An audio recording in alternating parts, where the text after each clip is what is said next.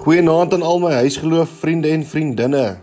Hier uiteindelik kan ons weer saam met mekaar kuier.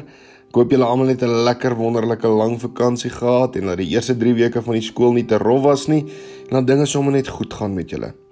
Vanaand se tema is die volk onthou waar hulle vandaan kom. Ons gaan 'n bietjie stil staan by Nehemia 8 vers 1 tot 10. Maar ek wonder wie van julle het in hierdie vakansie so 'n bietjie julle kamers reggepak of daai daai kantoor van van pappa en mamma of dalk daai ou stoorkamertjie wat so deurmekaar is. Daai keer wanneer ons goed regpak, dan kom ons op iets af. Jy kom op daai boks daar in jou bo in jou kas af waar jy dalk 'n klomp briefies in kry of jy sien dalk 'n boekie wat jy geskryf het toe jy bietjie jonger was. En dan lag ons baie keer oor hierdie oor hierdie goed wat ons daar oor onsself geskryf het of jy sien fotos en dan vertel pappa dalk en mamma dalk vir hierdie storie toe hulle klein was en dan lag julle saam oor daai stories. Ons kyk ook na hierdie fotos en dan raak ons partykeer hartseer oor van die stories wat die fotos vir ons kan wys. Maar as ons nou kyk na die volk Israel, dan sien ons hulle was op 'n moeilike plek. Hulle was nou net na ballingskap gewees Nou wat is ballingskap? Dit was hierdie hulle was eintlik uit hulle land uitgeneem, weg van hulle huise af en hulle is in ander lande gesit waar hulle waar hulle nie tuis was nie.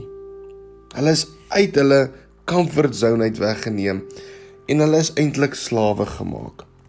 Nou ons sien dan hier word hierdie hierdie stories word vir hulle vertel En dan sien ons hoe hulle lewe verander het deur hierdie stories wat vir hulle vertel word en hoe hoe hulle bietjie anders ter weer begin kyk het. Nou hulle het die wet geken. O, moet julle nie moenie moenie dink hulle het nie. Die Israeliete het die woord van God geken. Hulle het die wet geken. Hulle het geweet wat is reg en wat is verkeerd. Maar omdat hulle nie meer na die woord geluister het nie en omdat hulle nie meer na die stories van God geluister het nie, dit is hoekom hulle in ballingskap weggeneem was. En dan sien ons God se wet sê duidelik vir ons ons moet lief wees vir mekaar en ons moet lief wees vir God, ons moet lief wees vir ander. Maar die volk het dit nie meer gedoen nie. Hulle het vergeet van die stories van Moses en van Jakob en Josef en Abraham. Hulle het van al daai wonderlike stories vergeet. En dan bevind hulle hulle self hierso in Nehemia 8 vers 1. Kom ons lees. Nehemia 8 vers 1. Toe die 7de maand aanbreek, was die Israeliete dus oral in die stede. Die hele volk het soos een man bymekaar gekom op die plein voor die waterpoort en vir Esra, die skrifgedeelte gevra om die die skrifgeleerde gevra om die wetboek van Moses waarin die beveel van die Here aan Israel opgeteken is, te bring. Die priester Esra het toe die wet voor die gemeente gebring, man en vrou, elkeen wat kon verstaan. Dit was op die eerste dag van die 7de maand. Hy het daaruit voorgeles op die plein voor die waterpoort en ligdag en van ligdag af tot die middel van die dag ten aanhore van die mans, vrouens en elkeen wat dit kon verstaan.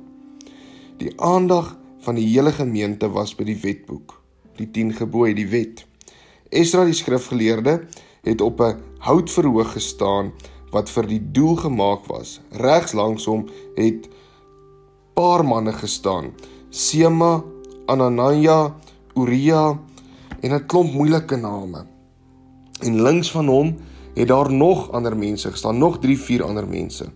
Esra het hoër gestaan as die hele gemeente en die boek voor almal se oë oopgemaak. Toe het hy dit oopgemaak, het die hele gemeente opgestaan. Esra die Here, die grootte God geprys en die hele gemeente het met hulle hande omhoog geantwoord: Amen, amen. Toe kniel hulle en buig diep voor die Here die Lewiete, Bani, Serebia, Jamin, Akubria, Gaman, klomp klomp klomp van hulle wat terwyl hulle die volk daar staan het hulle die goed verduidelik en die Lewiete het uit die boek uit uit die wet van God uit voorgeles en dit uitgelê. Hulle het die betekenis weergegee sodat die mense kon verstaan wat dit voorgeles het. Nehemia die goewerneur, die skrifgeleerde, die priester Esra en die leviete wat die gemeente onderrig het, het vir die hele gemeente gesê: "Hierdie dag word gewy aan die Here, julle God. Moenie treurig wees nie en moenie huil nie." Dit was omdat die hele gemeente gehuil het toe hulle dit voorgeles het en by die aanhoor van die wet. Nou verbeel jou, jy was ook daar waar hierdie klomp mense was. En jy staan daar en jy hoor daar word gepraat van al hierdie riglyne, daar word gepraat van al hierdie wette en jy luister dit vir die eerste keer vir die eerste keer weer na 'n lang ruk. Hoe sou jy gevoel het as jy dit moes hoor? En die tweede ene is waarom het die volk gehuil toe hulle hierdie stories gehoor het en geluister het? Was dit dalk omdat hulle geweet het dit wat hulle gedoen het was verkeerd in die oë van die Here? Gaan lees gerus maar weer Nehemia 8 en gaan kyk 'n bietjie al daai moeilike name wat ook daar in Nehemia 8 staan. Maar kom ons bid saam. Here, dankie vir die wet. Here, dankie vir die lewe. Dankie vir fotos, dankie vir dankie vir stories. Dankie vir die Bybel. Dankie dat ons in die Bybel kan kyk en stories kan sien wat ons net weer herinner aan hoe goed U is en dit wat U als vir ons gedoen het. Ons is so lief vir U, o Heer. Amen.